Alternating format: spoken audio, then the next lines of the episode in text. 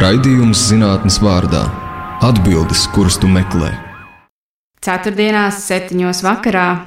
Labvakar, šis raidījums zinātnes vārdā. Es esmu Ivars Alsters, un šovakar man ir patiešām liels prieks, ka uz studiju piekrīt atnākt cilvēks, kurš pēdējo, es domāju, apmēram divu gadu laikā ir bijis viens no visintervētākajiem pētniekiem kopā ar profesoru Dumpi, kopā ar profesoru Brīģi. Es domāju, ka tas apdabūs top 3.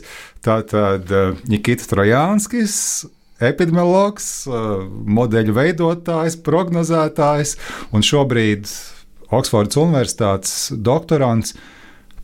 Sveiks, Trojāns! Labs vakars! Labs vakars! Vīrusu evolūcijā jāskan ļoti, ļoti labi. Um, un paklau! Tātad tu esi darījis kaut ko, nu, ko, ja mēs tagad izietu pat no studijas ārā uz ielas un pavaicātu, ar ko jums saistās vārds Nikita Trojānskis, tad mēs dabūtu droši vien tādas atbildes. Jā, citi teiktu, o, viņš deva man cerību, citi teiktu, o, tas ir tas čalis, kurš tur stāstīja visādas gudras lietas, no kurām neko tāpat nevarēja saprast. Tad trešie stāsta, o, tas, stāstīt, tas ir tas, kurš tur zīmēja tās līknes vai ne, un tur um, ietekmēja valdības rīcību, viņi kaut ko atļāva vai kaut ko aizliedza, vai ne, jo visi teica, o, Trojānska līkne rāda to vai rāda šito, vai ne.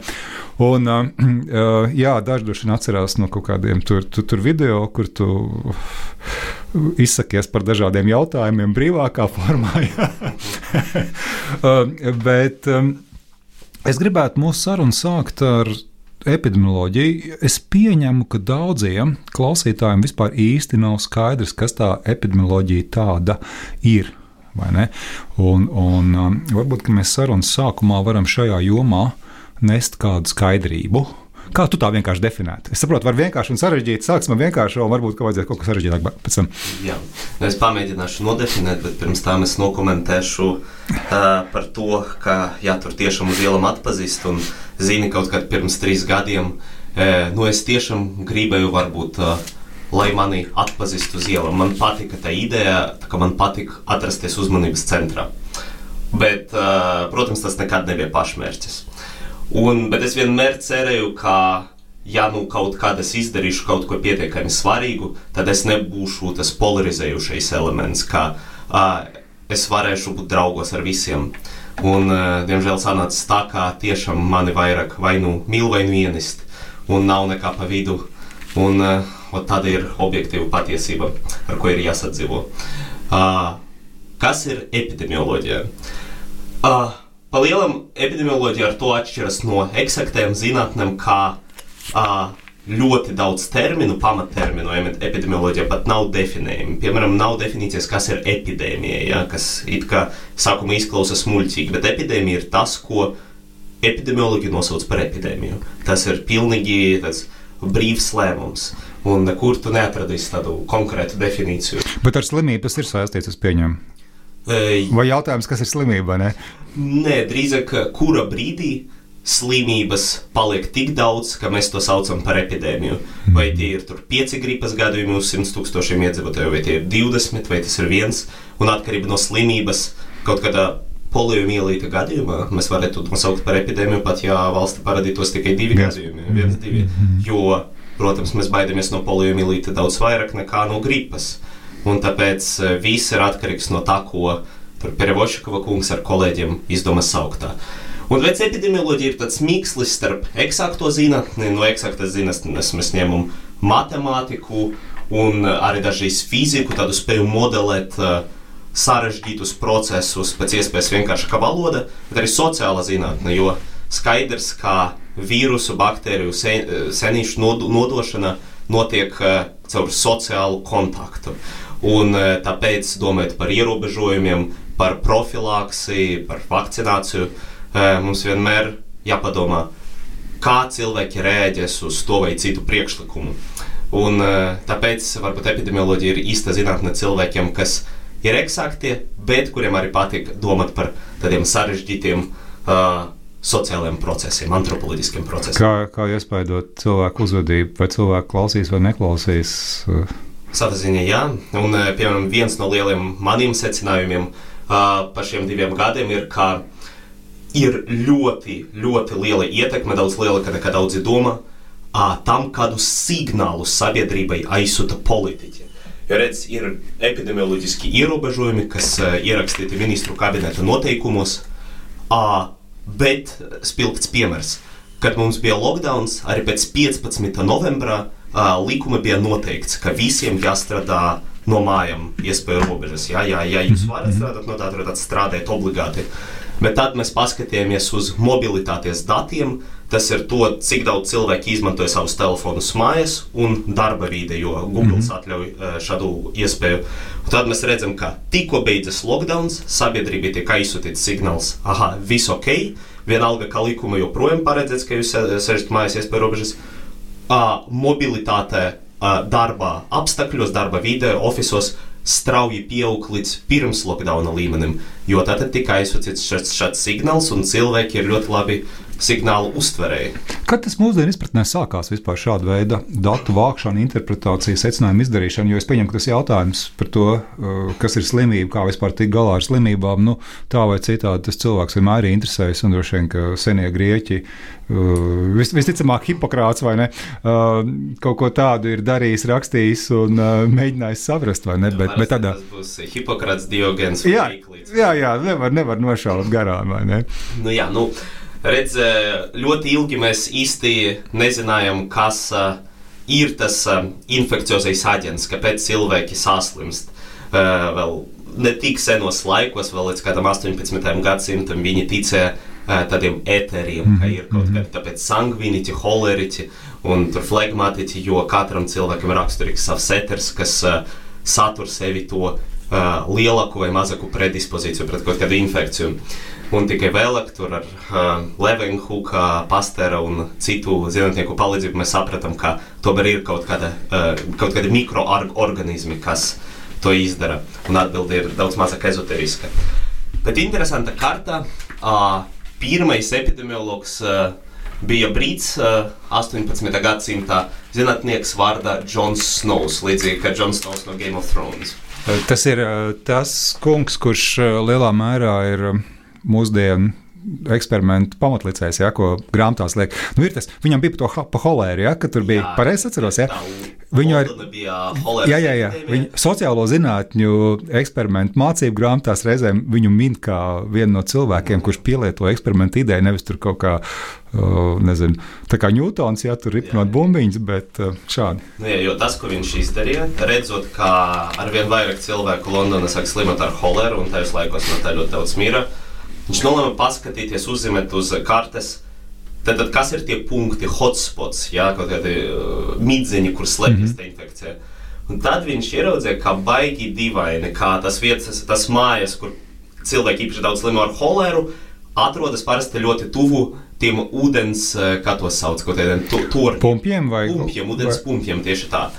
Un tad ir tāds īpašs ūdens pumpis, kur apkārt nu, pilnīgi viss tur viss saslimst. Mm -hmm. Tā tas, ko viņš piedāvāja izdarīt, noņemt no tā pumpja rokturi, lai ah. cilvēki nevarētu -hmm. kačāt. Mm -hmm.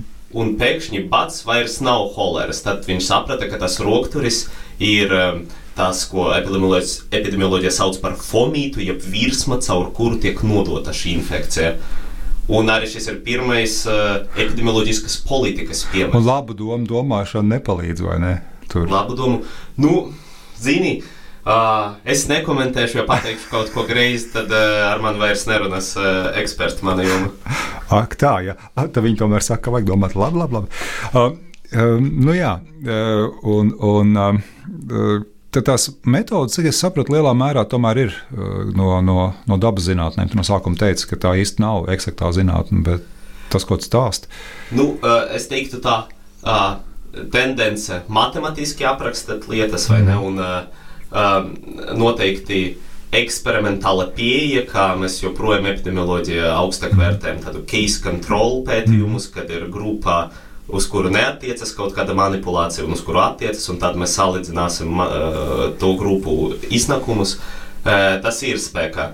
Bet uh, tāpat, uh, teiksim tā, ļoti grūti paredzēt, ja mēs ieliekam melnē kastē kaut kādu epidemioloģisku politiku vai datus, datus mm -hmm. par vīrusu vai baktēriju, uh, kas iznāks ārā. Uh, es domāju, kas būtu tāds labs piemērs. Te nu noteikti, ja kādas epidemioloģiskas politikas uh, ieviešana, piemēram, respiratori vai nē, es atceros, bija interesants kazus, kad uh, 21. gada vasara, lai arī uh, izplatības skaitļi bija ļoti zemi, tomēr tika pieņemts lēmums neatcelt obligātu respiratoru un masku vilkšanu sabiedriskajā mm -hmm. transportā. Kāpēc? À, nevis tāpēc, ka tajā brīdī tas bija tāds jēdzīgs veids, kā ierobežot vīrusu. Vīrusu pat nebija īsti ko ierobežot. Bet lai cilvēki neatrod no maskām, jo citādi septembrī būtu grūtāk to mhm. ieviest. Un zini, vai uh, bija cieti dati, lai pierādītu šādu pieeju? Nē. Vienkārši nu, tā mums šķiet. Klausies, tagad šī ir riskanta lieta, ko tu pateici, vai ne? Bet uh, es, es pieņemu, ka daudz uh, lietas jau tev ir jādara pēc labākās sirdsapziņas, kuras ir uh, loģiskas, ja tu esi eksperts, kurš iesaka jā, tādu jā. vai citu rīcības modeli.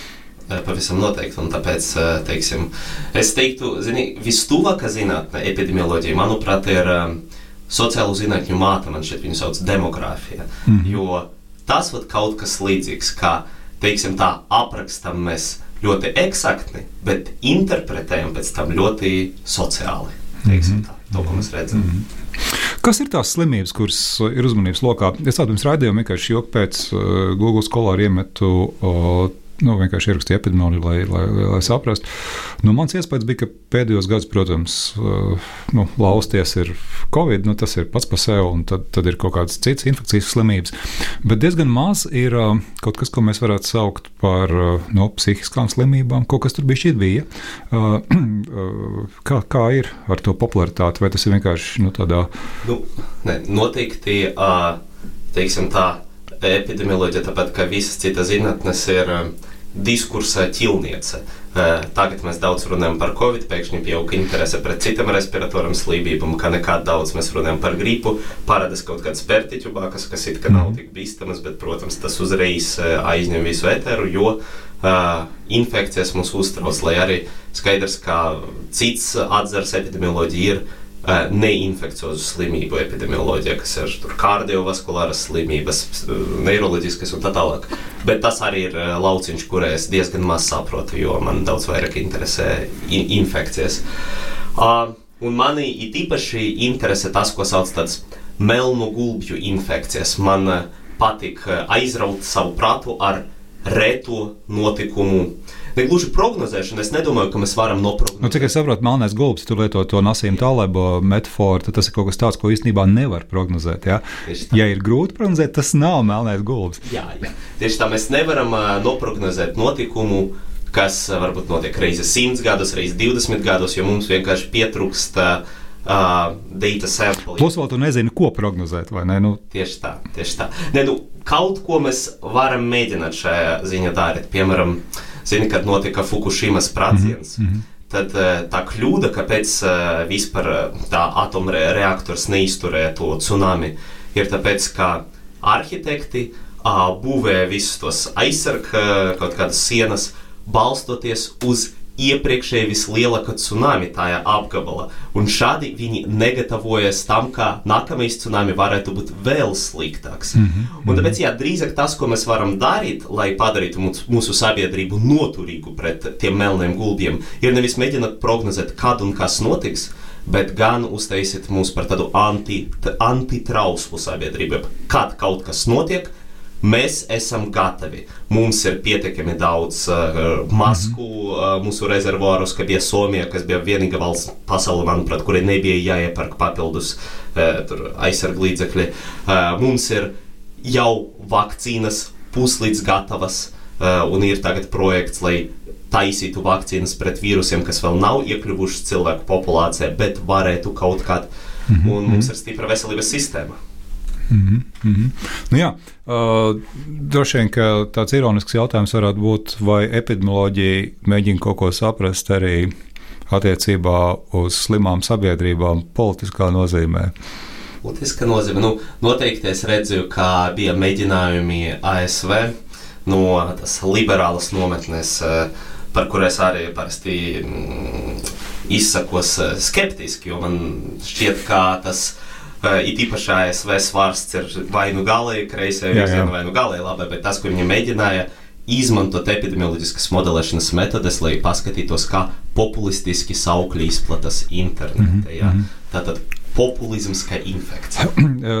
Šis man šeit tiešām ir interesants uh, virziens. Nu, kā to metaforu, ja, nu, ko, ko mēs sakām, ka kaut kas ir nu, went viral vai ne? Nu, tā kā vi, vi, vīrusu ideja vai ne? Un, un, un, jā, tā kā kaut, kaut kas tur ir. Bet es pieņemu, ka īstenībā pēc tā, ko tu stāsti, jautājums jau drīzāk ir par šo pētījumu objektu, vai ne? Jo, jo līdzīgā veidā jau var daudz citas lietas pētīt. Man īstenībā ļoti patīk tā tā salīdzinošā daļa, vai ne, kur teica, ka tur kaut kas no demogrāfijas, kaut kas no jā, jā, bet, medicīnas. Zini, es domāju, ka mēs varam skatīties, un tur Ričards Dawkins uh, pamēģināja skatīties uz idejām, kā uz gēnu. Jā, jā, jā. jā. Lieka, jā bet, uh, nu, redz, kāpēc es domāju, idejas nevajadzētu salīdzināt ar uh, infekcijām, jo pēc infekcijas tev parasti ir imunitāte. Mm -hmm. Pēc idejas tu diezgan bieži paliec ar to apsests.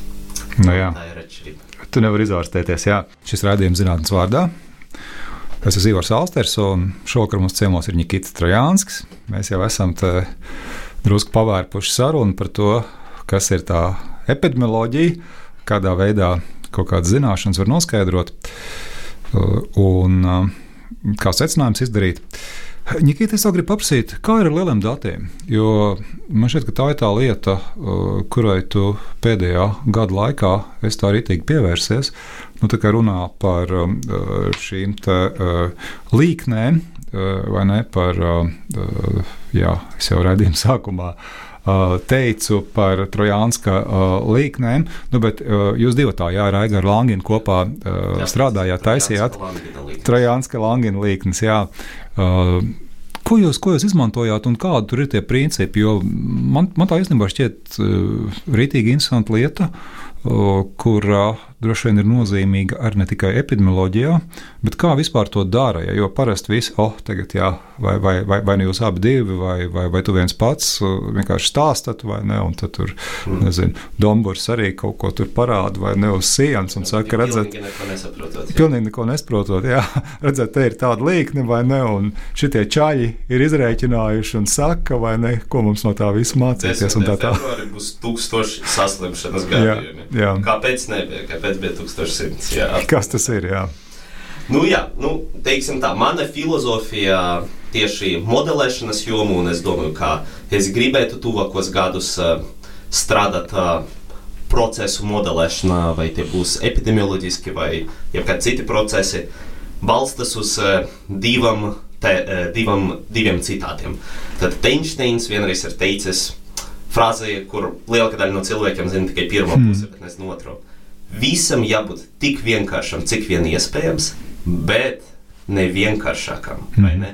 Kā var reducēt uh, un primitivizēt līdz noteiktam brīdim, bet pēc viena brīdī, ja tu atņem to sarežģītību, tu padarīji to modeli tik neprecīzu, ka no tā vairs nav jēgas.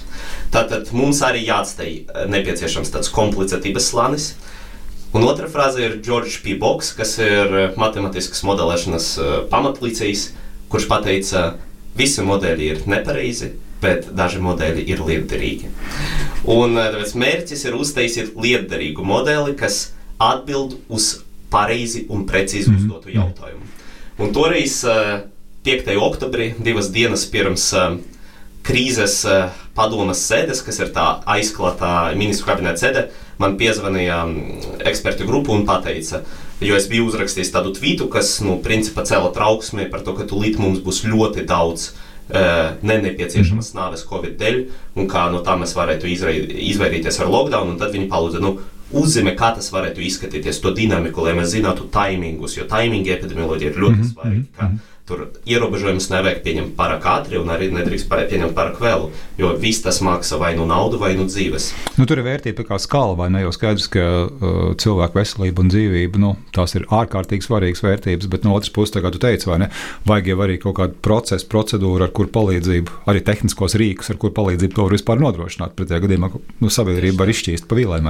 Tieši tā, un tad uh, mēs pieaicinājām Aigaru, kurš ir ļoti gudrs fiziķis, matemātiķis mērķis, un mēs principā 60 vai 48 stundu laikā izveidojam to, ko sauc par epidemioloģiskais modelis. Kas tas ir? Uh, īsumā mēs iztēlojamies visu Latvijas sabiedrību, tātad nosacīti divus miljonus iedzīvotāju, kur katrs ir iedalīts uh, viena no trīs kategorijām. Kādi būs inficēti tajā brīdī, kāda, kāda, mm -hmm. kādi būs uzņēmīgi pret infekciju, tad, var vēl inficēties, un kādi būs izslimojuši, mm -hmm. tātad viņi jau uh, ir imūni. Un pēc tam mēs sarežģījām to. Vismaz tajā brīdī bija, ja tagad šī tā ideja mainīsies ar omikronu. Jā, nu, uh, protams, protams, bet uh, arī jau tāda tas būtu pārāk vienkāršs modelis. Ja? Tu pieliec vēl kategorijas. Piemēram, ir cilvēki, kas ir pārslimojuši, bet joprojām ir uzņēmīgi pret infekciju. Mm. Ir cilvēki, kas uh, inficēti un obligāti aiziet uz to pārslimojušu kategoriju, jo viņi nonāk slimnīcu. Un tas uh, kā, mums pārslimojušu un slimnīcu kastītes bija atsevišķas, jo mūsu mērķis bija kvantificēt pirmkārt, cik daudz cilvēki nonāks slimnīcas, lai prognozētu, kura brīdī uh, Latvijas slimnīcu kapacitāte mm -hmm. tiks pārsniegta. Un tad šādi nodefinējot visas iespējamas kategorijas, kādas var ieņemt cilvēks, un cilvēks var jebkura laika brīdī ieņemt tikai vienu no tām kategorijām, jeb kastītām, un arī nodefinēt, kā notiek plūsma no vienas kastes uz otru, piemēram, infekcijas izplatības visaugstākajā punktā. Ļoti ātri cilvēks no uzņēmīgas grupas kļūst par inficēto, jo ir ļoti daudz vīrusu, ļoti viegli inficēties. Bet savukārt no inficētas klases, jebkura laikā ar aptuveni vienādu ātrumu cilvēki kļūst par izvesaļojušies. Tur, piemēram, septiņu dienu laikā atbrīvojas no infekcijas. Un, tā.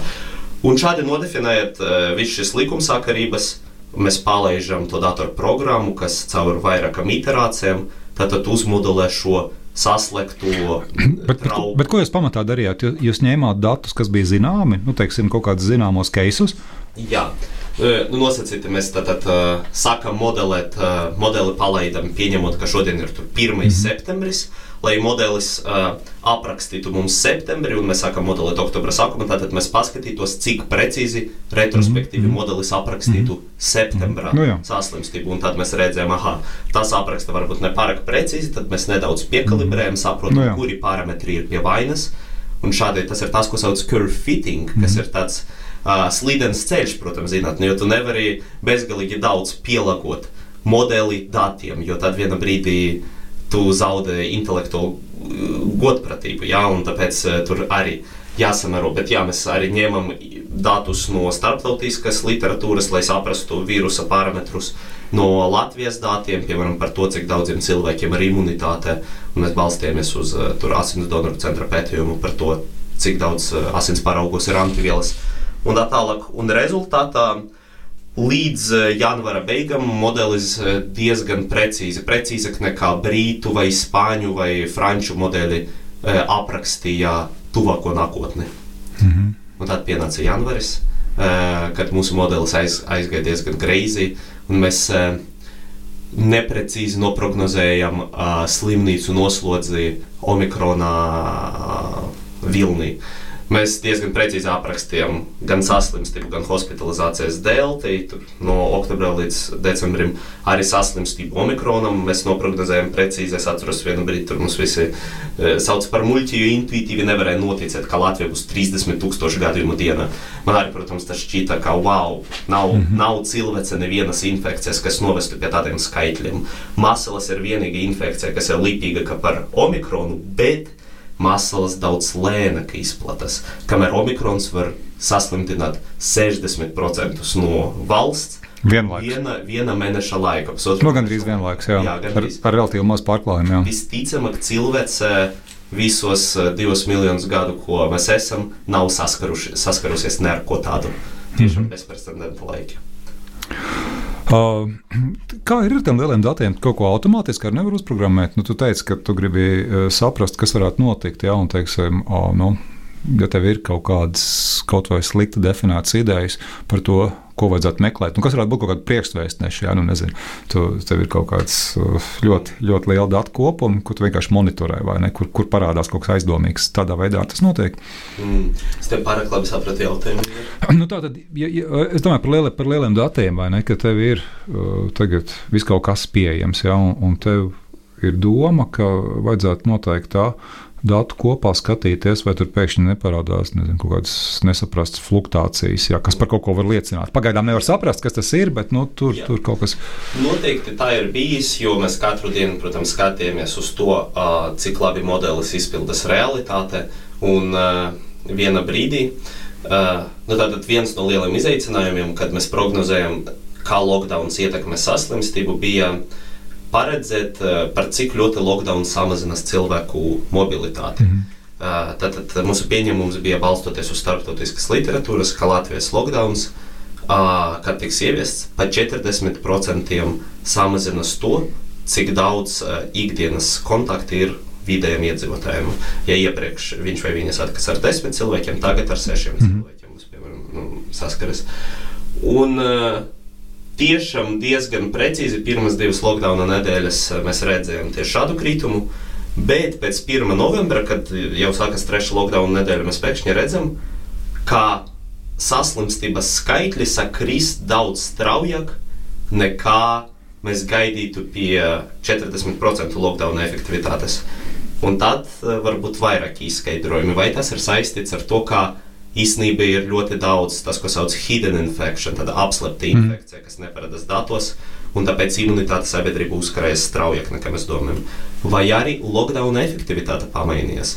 Ja pirmās divas nedēļas tomēr bija pietiekami daudz cilvēku, kas pārkāpj tos noteikumus, kas neuzskata, ka Covid ir kaut kas nopietns, tad tomēr pēc pirmām divām nedēļām, kad slimnīca jau diezgan pilnas, visiem ir daudz pazīstamu, kas ir saslimuši cilvēkiem izmaiņas uzvedība. Nu, jā. un, un, un, šādi, šādi, un tad jāsaprot, kurš no izskaidrojumiem der, lai mēs varētu to iemodelēt iekšā un precīzāk prognozēt, kas pēc tam notiek tālāk novembrī, decembrī, vai vajadzēs vēl mhm. vienu lockdown vai ne. Nu, jā, tur ir vairāk pakāpju miedarbība. Tas nav tā vienkārši, ja teiksim, ka tu ieliec mēģinē tagad vīrusu un, un, un kas tur notiks, vai ne? Jā, ne, un, še, un šeit, un šeit redz atkal zinātniska metode šajā brīdī ļoti cieši mijas ar mākslu, jo ko tu dari? Tu testē vairākas hipotēzes. Tu skaties, kā pamainījies eh, mobilitātes dati. Cik ļoti cilvēki daudz apmeklē visādus dārzus un izklaides, kaut kādas vietas, cik daudz darbus, cik daudz maisaimniecības. Mm -hmm. Skaties, vai tas sader ar ideju, ka uh, palielinās lockdown efektivitāte vai ne. Pēc tam tu parunā ar uh, cilvēkiem, kas strādā slimnīcā. Kāda ir situācija slimnīcā? Parādiet tur statistiku. Mums cik daudz uh, cilvēki nokļūst slimnīcā ar kādu cēlumu, lai mēs labāk saprastu. Mēs mēģinām novērtēt imunitātes līmeni balstoties uz tā, ko sauc par skolu absentīzmu, jeb tā, cik daudz bērni piezvanā klasē audzinātājai un saka, es šodien nenākšu uz skolu. Nu, kaut kādas tādas lietas tu meklē proksi indikatorus, lai novērtētu, mm -hmm. kura no teorijām ir drīzāk patiesa, un tad tu to iemodelē un tad skaties. Bet kā ir, ir viens tāds uh, lemšanas uh, pētnieks, arī modelētājs, uh, nu, diemžēl nelaiķis vairākus gadus, tas Robins Dovs, es no viņa spriešanas un domāšanas veidā diezgan iespaidojos. Viņam bija viens burvīgs pētījums, Angliskais nosaukums ir apmēram tāds - The Robust Beauty of Improper Linear Models. Uh, ja, un, un, un tas, ko viņš tur um, pierādīja, vairāk, vairāk pētījumu sērijā, bija, ka vienkārši ekonomisku lēmumu gadījumā vai teiksim, izglītības pedagoģisku lēmumu gadījumā, pat ja tev nav baigi labais modelis. Ja tu struntīgi modeli konsekventi lieto, vienalga būs labāka rezultāta nekā, kad tu tur mēģināsi kaut ko ba, ba, smalko uztaisīt. Uh, nu, protams, tu vari uzlabot to modeli, ja, bet, bet stāsti par konsekvenci. Kā, kā, ir, kā ir epidemioloģijā, teiksim, uh, kas, kas, kas ir labāk? Vai visu laiku mainīt, mēģināt vienu otru, vai pat pie struntīgāka modeļa pieturēties? Jā, jā.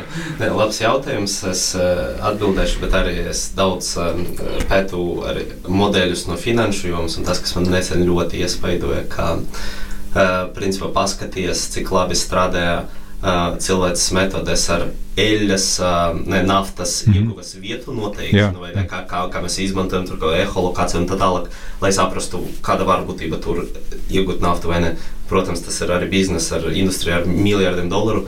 Beigas uh, ir tikpat labā uh, efektivitāte tam, ja tu pilnīgi randoma patvaļīgi saki drillēt ūdenī un meklēt, būs nafta vai nē.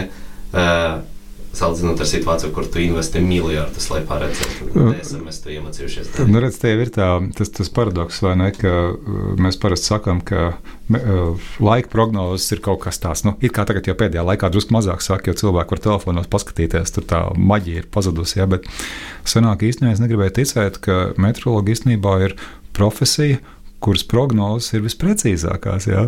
Nu, teiksim, tur, tur citi nākotnes prognozētāji, mediķi, ekonomisti galīgi netur līdzi. Ja? Tur. Bet joprojām nav tā, ka es lasu vai no 80 vai no 90% gadījumu. Uh, pre, visprecīzākā meteoroloģiska prognoze būs rītdien, būs tas pats, kas bija šodien. Kā es esmu diezgan pārliecināts, ka bija šāds pētījums. Ir jā, jā, jā, jāapskatās. jāapskatās. Bet, tad, tad runājot par konsistenci, es gribētu teikt, ka epidemioloģija ir pasargāta no šīs skaitas, jo uh, epidemioloģiski modeļi gandrīz nekad netiek pielietoti liela laika griezuma. Mm. Jo uh, epidemiologs uzdod jautājumu, kaut kādu ļoti šauru. Kādai vakcinācijas politikai jābūt, vai mums jāpotē tikai bērni zem pieciem gadiem, vai arī vai bērni zem astoņiem gadiem. Tad izveido modeli, kas atbild uz šo jautājumu. Modeli principā tiek izterēti kā 2-3 mēneši, tad tiek pamainīta politika, un pēc tam pie šī modeļa vairs nekad neatgriežas. Katru reizi būvēt de novo. Zinām, tur nevar ka prasīt par rītdienu. Nu, vajag potēt rītā. Nu, tā kā, tāpat kā šodien, un tā katru dienu tikai sāk uz priekšu, vai ne?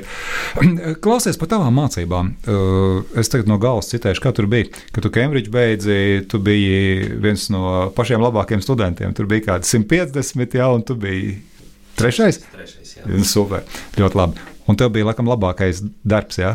Jā, man bija man paveicas ar uh, manu supervizoru, kas vadīja manu disertāciju. Mēs uh, izpētījām ebolas uh, epidēmijas uh, keisu, tieši uh, mēs pētījām, kas bija tas uh, galvenais novēlošanas uh, risks ar ebolu, kāpēc mm -hmm. uh, teiksim, atļavam tam vīrusam izplatīties uh, tik tālu. Uh, un uh, ko mēs varētu nākamreiz labāk darīt. Tā kā principā es jau ar pandēmijām sāku savu epidemiologu karjeru. No nu, ar ebolu jau, jau sēž.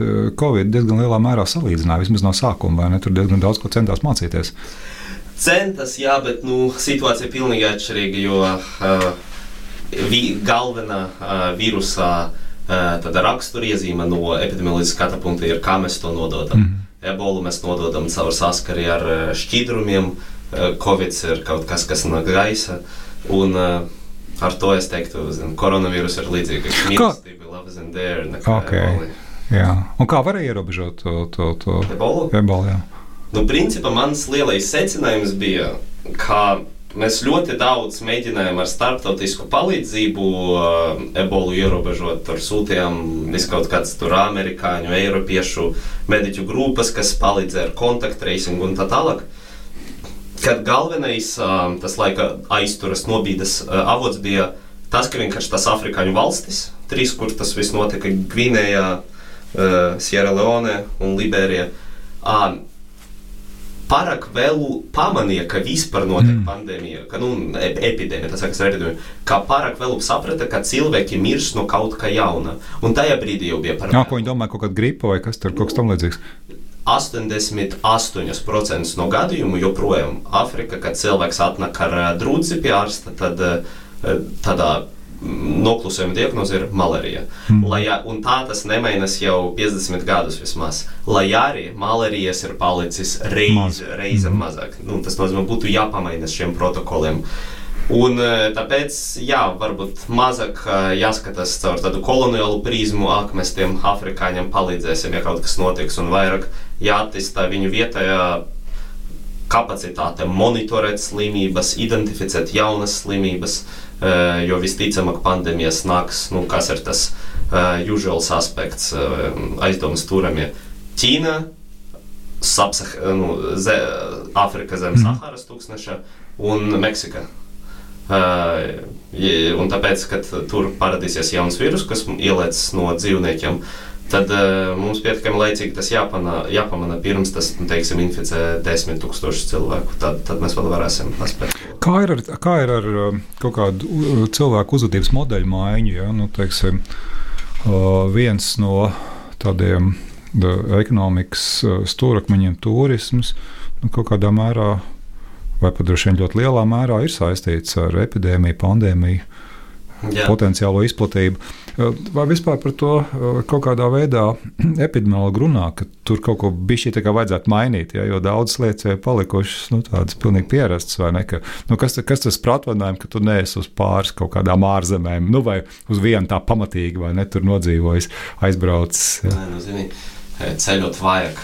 Es ļoti pats mīlu ceļot, tāpēc es eh, nekādā gadījumā eh, nedomāju šai virzienā. Bet, eh, protams, epidemiologi domā un daudz aizņemas no behaviorālas ekonomikas jomas. Tur tāds tagad nākamā liela lieta ir nudging, jeb kā tu vari Pavirzīšana pavirzīšana jā, ar smalkiem tādiem gājieniem, tomēr pārliecināt sabiedrību uzvilkt respiratoru lieku reizi un tā, bet nu, tāpēc īvar mēs esam bijuši vairākas uh, ekspertu grupas kopā, jo es daru savu daļu un tu dari savu, jo tu daudz vairāk zini, kā tomēr cilvēku pārliecināt kaut ko. Uh, nu, nevis vienkārši izdarīt, bet saprast, ka viņam vai viņam, viņai tas pašam ir vajadzīgs. Tad, tad uzsvars lielāk, lielākā mērā būs uz tādu nu, mikro uzvedības eh, elementiem. Nu, ja mēs salīdzinām mikro un makroekonomiku, vai ne, tad, tad uz eh, mikro uzvedību, nevis uz tādu nu, globālu uzvedības uh, maiņu. Nu, jā, pavisam noteikti. Piemēram, uh, nu, paši, tas pašs uh, lietotnes kontakta tracings, vai ne? Tas mm. daudz lietderīgāk strādā uh, lokāla konteksta, vai ne? Jo globāli tur ir problēmas ar datu apmaiņu, ir tur, ja es satikšu inficētu meksikāni, tad diez vai es uzzināšu par to. Man, man, man, man šovasar, tā, kad es biju Atēnās, atnāca ziņa, ka es esmu uh, bijis kontaktā. Jā, man visu laiku stāv ieslēgts, es aizmirsu izslēgt, ar ko tas bija. Nav ne jausmas, kur, nu, nu ne, ne jau Atēnās tas bija, tas bija kaut kur iepriekš. vai ne? Mm. Nu, vot, un, uh, un es zinu, bija piemēram tāds uh, gadījums Oksfordā. Uh, kad, uh, nu, atšķirība no Latvijas, Lielbritānijā viena brīdi 60-70% cilvēkiem bija ielādēta lietotne, manuprāt. Un uh, Oksforda puse no pilsētas sēdēja uh, principā karantīnā. Tur 40-50% tiešām atnāca notifikācija, ka jūs bijat kontaktā. Uh, kā man stāstīja, un nu, tad arī jautājums ir, ok, valdība nopelnīja tādu uzticības līmeni, kā pārliecināja cilvēkus lejupielādēt mm. Lietotni. Bet ko darīt tad, kad pusī cilvēku jāceļ savi plāni un viņi sēž mājās, tas lietotnes dēļ? Kā, kas ir tas nākamais līmenis, kā pārliecināt neizdevs to lietotni pēc tam? Jā, jo labāk nezināt, tad ir drošāk dzīve, vai ne? Nu, ilūzija, jā. Radījums zināms vārdā, Ivars Austers un Nikita Trojānskis ir pusviesis šokar. Paldies, Nikita, par stāstī, sāko, sākotnējo stāstījumu par to, kas ir epidemioloģija, par, par savu pieredzi modelēšanā, projektēšanā, par saviem sākotnējiem pētījumiem. Tu esi tagad Oksfordas doktorants. Pasaki vēlreiz, kādā nozarē? Nu, vīrusu evolūcija. Vīrusu evolūcija. Jā. Uh, ko tu esi iecerējis pētīt? Vai tev ir jau diezgan skaidrs, vai tas ir arī vajadzīgs, ja Oksfordā stājās doktorantūrā? Ai, nu, um, jā, ir svarīgi, ir nepieciešams uzrakstīt tādu pētniecisku uh, um, projektu. projektu, pieteikumu. Mm. Un, uh, es diezgan netīšām nokļuvu um, gan vispār doktorantūras ceļā, gan Oksfordā. Es decembrī sapratu, ka man nedaudz viss ir par daudz un kaut kas jāmaina uh, dzīve. Un tad es uh, redzu, Twitterī ir čalis, kas. Uh, Tāpat kā es, kuram patīk paprovocēt, uh, uztaisīt to, ko sauc par shitstormu, kad uh, viņam brūk vīrs. Vai, nu, un es viņam uzrakstīju, un es redzu, viņš ir Oksfordas profesors. Es uzrakstīju, vai mēs varētu, varētu papļāpāt par covid. Viņš saka, ka sazvanāmies pēc 30 minūtēm. Uh, tad man tur jāceļ kaut kāda sanāksmes, lai es varētu pieslēgties. Un uh, pēkšņi izrādās, ka mums ir ļoti pārklājas interese, jo nu, man tomēr, lai arī Nācijums Tāleps, kas varbūt mans vismīļākais mūsdienu domātais, saka, ka nevajag mēģināt prognozēt nākotni, neizdosies. Man tomēr ļoti aizrauja ideja. Tas ir mans tāds filozofa akmens. Mm -hmm. Kā mēs varam uzzināt, kura virziena daba pakustēsies? Jo evolūcija ir varbūt viens no stohastiskākajiem, haotiskākajiem mm -hmm. dabas spēkiem. Un uh, mēs izdomājam kopā veidu, kā cerams var noprognozēt, kas būs nākamais koronavīrusa celms, kas ienāks cilvēku populācijā pēc pusgada, gada, diviem gadiem. Un, ja to var izdarīt, tad mēs varam jau lai, laicīgi sākt gatavot vakcīnas, jau laicīgi sākt monitorēt šīs konkrētas mutācijas, kas aprakstīs šo celmu, lai mēs zinām, mm -hmm. kur tas parādās, un varbūt laicīgi varam novērst globālu izplatību. Nu tā, un tad es pieteicos, viņi man pieņēma, un uh, tikai oktobrī es uzsaukšu, uzsākšu savu ceļu uh, doktorantūrā. Tad tagad tev būs jādzīvo Oksfordā un jāstrādā laboratorijā arī būs, vai, vai tā kā līdz šim tādā stilā, ka tu. Nē, nu, es esmu, es teiktu, brīvmākslinieks. Man ļoti nepatīk sēdēt uz vietas. Un uh, mans, mana doktorantūra būs uh, computational datorā, tāpēc es ceru, ka es varēšu kā tāds uh, ceļojošais akmens Rolling Stones uh, pārvietoties pa Lielbritānijā, varbūt Norvēģijā, uh, man tur ir draugi uh, Latvijā. Uh, tā. Bet it kā ir kaut kāds arhaisks noteikums Oksfordā, jo nu, gan Oksforda, gan Kembridžā lepojas par to, kā tur konstatūtos ir ierakstīts tik absurdas lietas, kuras joprojām mēs ievērosim, vienkārši lai atšķirtos. Un tur it kā ir aprakstīts, ka, a, lai pabeigtu doktorantūru, tev vismaz trīs gadus jādzīvo viena kilometra attālumā no vienas vecas baznīcas Oksforda centra. Uh, ja tu dzīvo tālāk, vai tu tur mazāk par trīs gadiem, tad tu nepabeigsi doktorantūru. Tāpēc Tas ir kopā, ir jās, jāsanāk tam laikam, jā, ja kad tu esi trīs gadus nodzīvojis, saskaitot kopā. Ja?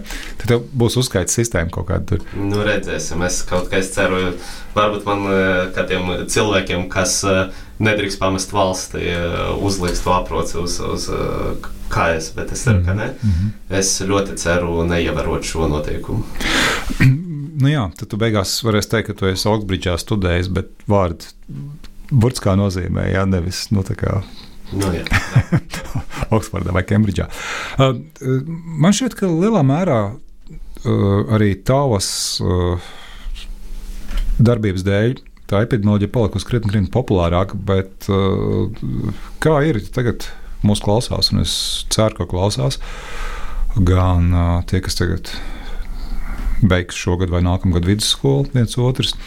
Droši vien arī viens uh, otrs students, uh, kurš vai kur jau ir sākuši mācīties, nezinu, tur vienalga datu analīzi, bioloģiju, medicīnu. Es pieņemu, ka visas tās jomas der, lai pēc tam arī tālāk studētu um, epidemioloģiju. Um, kā, kā, kā tu ieinteresēti visā tajā? Mm. Nu, es saprotu, ka ta, tas, ko tu stāstīji, jau bija ļoti, ļoti interesanti, vai ne? Bet, uh, teiksim, kaut kādas pamatlietas, vai ne? Draugi mīļie, šis ir baigts foršais ceļš ko Jā. darīt. Nu, zini, es varbūt tagad pateikšu kaut ko nepieklājīgu. Uh, Uz priekšu. Bet uh, es vienkārši šovasar nonācu pie secinājuma, ja paņemsim divus kaut kādus priekšmetus uh, - ārpolitika un uh, astrofizika. Un tad uh, iedosim pusgadu pamācīties astrofiziķiem, ārpolitikas kursu un ārpolitikas studentam astrofizikas kursu un liksim nokārtot eksāmenus. Esmu pilnīgi pārliecināts, ka astrofiziķis nokārtos uz 7, 8, ar politiķis nokārtos uz eh, apaļu divnieku. Jo, manuprāt, tomēr mēs visu saucam par zinātnēm, bet nedaudz atšķiras tas, ko angļuiski sauc par rigor, jeb tā mm -hmm. cīņa pret zi dziļumu. Mm -hmm. Zinātnē, kā kaut kur var liet ūdenī desmitiem reižu vairāk. Varbūt es šādi tagad aizskaršu pusi no pētniekiem Latvijā. Bet uh, ar to es gribu pateikt šādu lietu. Ja jums patīk uh, matemātisks veids, kā aprakstīt realitāti, tad uh, mācieties matemātiku, fiziku, sliktākajā gadījumā ķīmiju un bioloģiju. Uh, un tad jūs uh, atradīsiet izēju uz uh, epidemioloģiju, ja jums tas patīk. Neiet mācīties medicīnu, lai kļūtu par epidemiologu vai socioloģiju. Mācieties kaut ko zinātnisku, jo daudz vieglāk pēc tam iegūt epidemiologa prasmes nekā otrādi. Vai to matemātiku var iemācīties tā, kas ir nepieciešama augsta līmeņa epidemioloģijai? Arī, arī, ja tu esi beidzis parastu skolu, ne pirmo gimnāziju. Nu, absolūti. Es, man ļoti daudz draugi, kas ir daudz gudrāki par mani, matemātika beidza, nebeidza pirmo gimnāziju. Piemēram, tas pats Aigars Langins. Mm -hmm. uh, jā, Klau, man šķiet, ka te ir arī jāliek punkts mūsu sarunai, ka tas ir ļoti labs novēlējums. Šodien mēs sarunājamies 1. septembrī, ja, kad ir tā, tā zinību diena, kad ir visādi novēlējumi nākotnē. Un, uh, tu pateici dažus man šķiet ļoti, ļoti svarīgus punktus, kā tu pats teici. Iespējams, nepieklājīgs vai diskutabls, kas arī īstenībā ir ļoti labi. Es pieņemu, ka tev nav absolūti svarīgi, lai pilnībā tam piekristu, bet svarīgāk ir, ka par to sāk domāt. Protams. Paldies, tev, Nikita. Atgādināšu, ka šis radījums zinātnes vārdā tagad pašas beigas. Šodien Pie mums ciemojās Nikita Trojānskis. Uh, Oksfordas Universitātes doktorants vīrusu evolūcijā. Tieši tā, Pareizi pateicis. Es iemācījos. Paldies klausītājiem. Paldies! Jā, un šoreiz raidījumu vadīja Ivars Austers. Uz sadzirdēšanos pēc divām nedēļām. Raidījums zinātnes vārdā - atbildes, kuras tu meklē. Ceturtdienās, septiņos vakarā